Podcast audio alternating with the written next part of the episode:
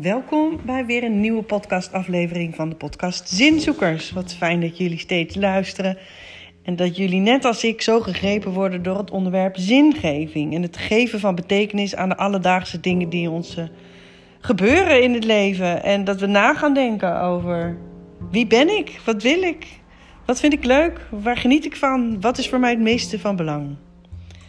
En vandaag wilde ik even met jullie uh, kort een podcast uh, delen, verhaal delen over dat wat ik net zei, wie jij bent. Ja, authenticiteit. Jouw verhaal. Hoe jij, jij je voorstelt aan andere mensen wat jouw verhaal is. Ik krijg heel vaak de vraag: Leuk, Karijn, ik weet wel dat ik wil weten wie ik ben, maar wie is dat ik? Wie is dan die persoon? Hoe kijk jij naar authenticiteit of naar eigenheid? Dat zijn van die vage termen vaak die niet zo heel specifiek worden gemaakt. Terwijl we er in onze taal, in alles wat we zeggen over onszelf, het heel veel over hebben. Ja, zo ben ik nou eenmaal. Ja, ik ben echt iemand die. Zeker in het werk wat ik doe, als ik aan, aan de slag ben met die talenten, dan leren mensen andere kanten van zichzelf kennen of talenten van zichzelf kennen. En dan gaan ze eigenlijk een beetje reframen wat ze tot dan toe van zichzelf vonden. Ik dacht dat het leuk was om daar vandaag eens wat dieper over in te, te gaan en wat voorbeelden te geven. Uh, als het gaat om je zelfbeeld, hoe jij kijkt naar jezelf. Dus wat is nou precies je zelfbeeld, jouw eigenheid, jouw authenticiteit? Nou, lachen hè, zijn al heel veel termen. Dus welkom. Ik moest even pauzeren en ik zat er na te denken. Eigenheid, authenticiteit die wie jij echt bent. Soms zie je ook van die coaches op Instagram of zo zeggen van je moet echt naar je kern, naar jouw, jouw unieke kern. Of mensen zeggen wat is jouw ziel? Wat is jouw ego? Wat is jouw ik? Er zijn allerlei termen in omloop die eigenlijk alles te maken hebben met uitzoeken wie jij bent van binnen. Je wordt geboren, je bent jezelf. Je bent nog onverpest. je bent nog op een manier helemaal jezelf. Niemand heeft nog bepaald hoe jij moet zijn. En ook dat is niet waar, want we komen natuurlijk voort uit ouders. En die ouders hebben bepaalde karaktereigenschappen. En die ouders komen weer uit ouders met bepaalde karaktereigenschappen. Dus je komt nooit blanco op de wereld. Je komt vanuit ouders met bepaalde eigenschappen um, die jou gemaakt hebben. Bepaalde dingen zijn genetisch vastgelegd, sommige dingen niet. Maar worden je wel heel snel overgedragen. Want zodra een baby wordt geboren, ga je als ouder acteren.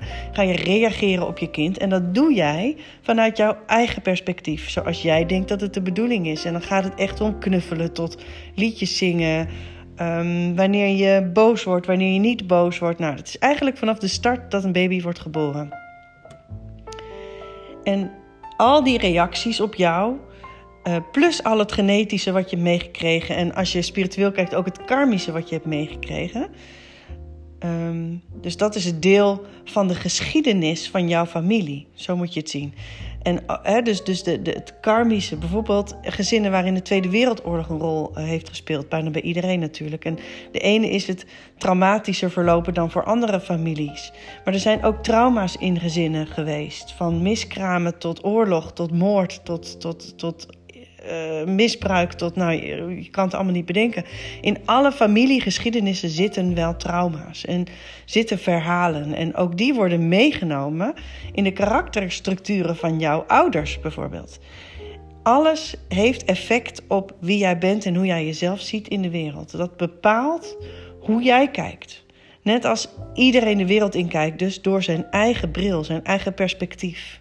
Ik zie dat altijd als een klein poppetje, als je het visueel zou willen zien, uh, met een enorme uh, rugzak. Een onzichtbare rugzak, waarin al dat soort informatie, genetische informatie, karmische informatie, uh, karaktereigenschappen informatie. En, en sommige mensen hebben het ook over vorige levens nog informatie. Dus je hebt allerlei informatie in die rugzak zitten die jou maakt tot wie je bent. En het is dus een heel erg onbewust proces. Hier ben je je niet bewust van. En toch zijn heel veel mensen in hun leven uh, continu op zoek om die rugzak uit te pluizen. Je wil weten waarom doe ik de dingen die ik doe? Waarom vind ik leuk wat ik leuk vind? Waarom ben ik wie ik ben? Waarom reageer ik zoals ik reageer?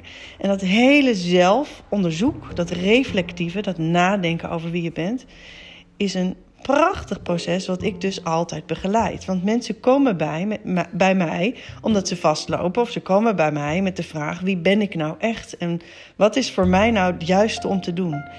En om daar een antwoord op te geven, zul je dit onderzoek moeten starten. Of dat moet niet, maar dat gebeurt eigenlijk vanzelf. En dan ga je dus al die informatie, die onbewust en, en niet, um, niet te pakken, hè? dus je kan het niet meteen naar boven krijgen, maar die tot nu toe onbewust was, ga je bewust maken, zichtbaar maken. Daarom gebruik ik mijn ijsbergmetafoor, omdat sommige dingen weet je wel. Dus dat is dat zichtbare gedeelte. Wat zien mensen nou aan jou? Hoe laat jij dingen zien? Maar daarna ga je eigenlijk al snel naar dingen waar je je niet zo bewust van bent. Bijvoorbeeld allerlei overtuigingen, dus die, hè, overtuigingen die je hebt meegekregen van thuis af. Dus dingen die allemaal in die rugzak zitten, die je bij je draagt, waarvan je niet bewust bent. Waarvan sommige overtuigingen wellicht dingen zijn die jouw ouders gewoon letterlijk zeiden. Maar soms zijn dat ook karmische aspecten, dingen uit de geschiedenis van je familie, waar je eigenlijk nog geen grip op had, maar wat langzaamaan duidelijk wordt. En wat dat doet als je dat soort informatie gaat onderzoeken en dingen bewust gaat maken, is dat je voor het eerst keuzes kunt maken op dit moment wat je daar het liefste mee wilt.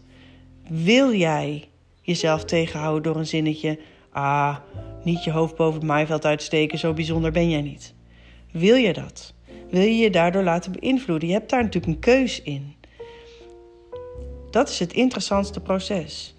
Um, er zijn zo'n soort, soort zinnetjes zijn vaak waar mensen op vastlopen. Dingen die meegegeven zijn, zoals uh, als, je, als je dubbeltje geboren bent, word je nooit een kwartje. Um, altijd doorzetten, niet gaan zitten, blijf altijd in beweging. Um, je bent pas wat als je iets bereikt hebt of als je diploma's op zak hebt, ik zeg maar wat. Al dat soort thema's die je hebt meegekregen, die bepalen wat jij nu doet in je leven.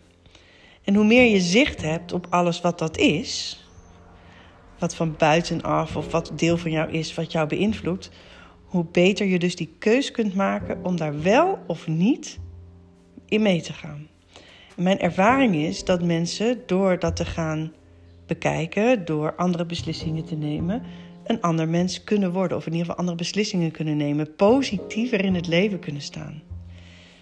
Juist door die gewoon het, um, het besef dat je die keus kunt maken. Bij mij was dat bijvoorbeeld, als het gaat om overtuigingen, heel erg het geval op het moment dat ik bewust koos voor het geloven in mijzelf. Als het gaat om um, nou, bijvoorbeeld die spiritualiteit, was, daar heb ik laatste podcast over uh, opgenomen. Dat was de laatste, meest recente echte shift in mijn zelfbeeld. Um, die spiritualiteit of het uh, uh, in contact staan met is voor mij zeer vanzelfsprekend, altijd aanwezig geweest. Ik heb het altijd niet verwoord, weinig over gesproken. Ook omdat ik de overtuiging had dat als je dat doet, dat je dan wordt afgewezen, dat mensen dat raar vinden. Dat is me ook natuurlijk wel als jongere vaker gebeurd. Toen ben ik mezelf stil gaan houden. Dus daar is een overtuiging ontwikkeld bij mij. Dat als je het daarover gaat hebben, dat mensen denken: jeetje, wat zweverig, wat lastig. En ik merk ook nog steeds aan mezelf op het moment dat ik dat meer uitspreek en er meer over ga vertellen, dat er nog een kramp op zit. Hè? Dus het komt nog niet heel makkelijk mijn mond uit. Maar ik heb wel een beslissing genomen om daar helemaal voor te staan. Dat kan alleen maar positief zijn. Want het is iets wat me dichter brengt bij wat ik echt van belang vind. Namelijk dat je jezelf helemaal mag zijn. En ook dat ik dat spirituele deel van mijzelf, dat ik dat meer stem geef. Letterlijk en figuurlijk. En dat gaat in stapjes. En zo heb ik ook mensen in mijn trainingen, als ik door het land ga voor talent, die ineens een talent van zichzelf herkennen, die altijd positief geformuleerd is en daardoor een totale shift in hun zelfbeeld hebben. Bijvoorbeeld bij het talent de doordenker. Doordenkers zijn echt mensen die lang moeten nadenken over dingen, die niet meteen kunnen reageren op een vraag als je die stelt die graag mijmeren en er later bij je op terugkomen. Die op de fiets naar huis bij een vervelende vergadering bijvoorbeeld pas voelen waarom het nou eigenlijk vervelend was en wat ze erover hadden willen zeggen. Omdat ze niet direct in dat moment kunnen reageren. En dat vinden ze vaak negatief.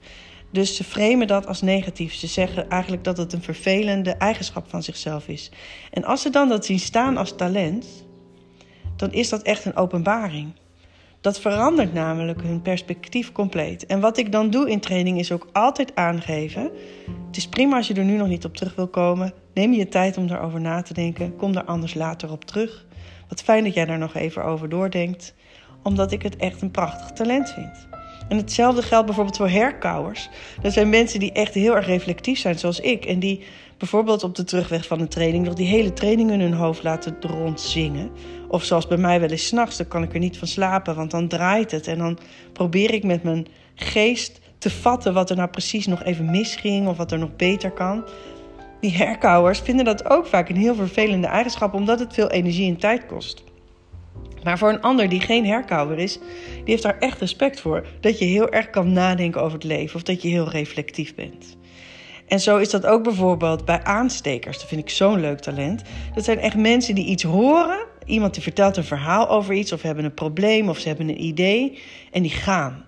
Die vinden het zo leuk dat ze ook iedereen meetrekken en daarin aansteken.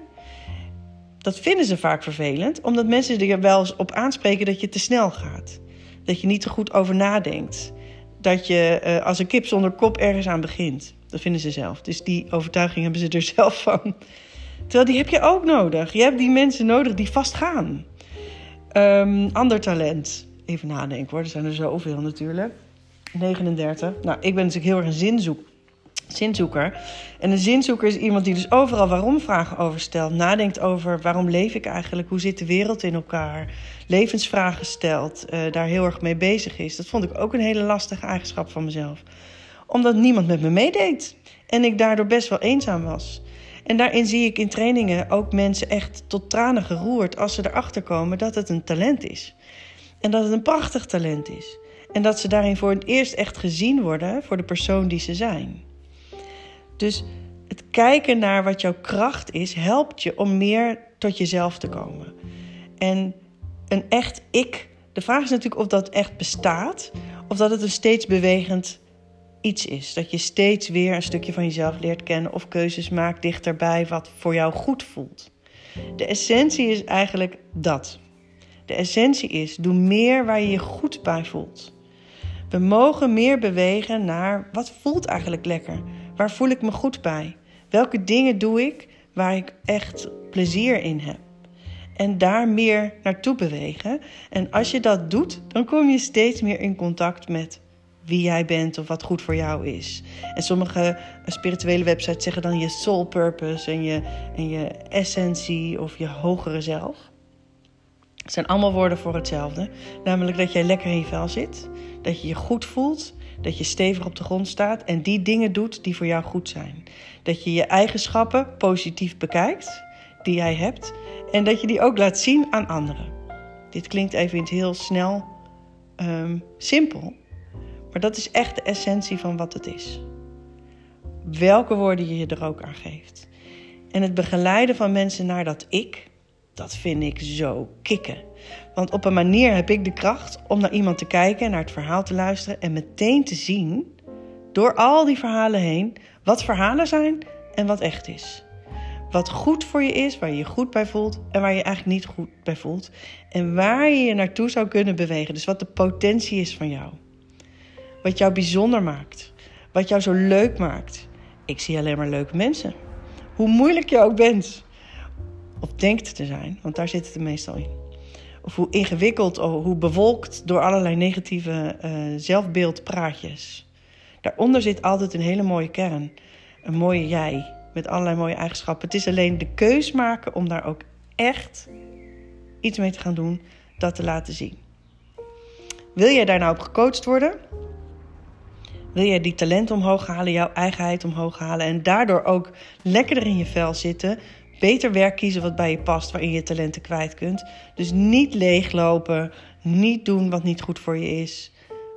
Let op. Ga naar mijn website. Ik heb de komende tijd nog plek voor verschillende mensen om uh, het uh, Reset Je Verhaal programma te doen. Heet Onder Je Waterlijn Reset Je Verhaal. Kijk eens op de website karijnbreuning.nl. Eigenlijk heel makkelijk. En dan kijk je bij persoonlijke coaching. Dan zie je um, dat dat traject nu weer open staat. Ik heb een aantal plekken. Um, nou, wees er snel bij. Stuur me gewoon een mailtje. Dat is het allerhandigste. Want dan kan ik eigenlijk zo snel mogelijk jou reageren en kijken wanneer ik weer plek heb. Dus eh, tot dan.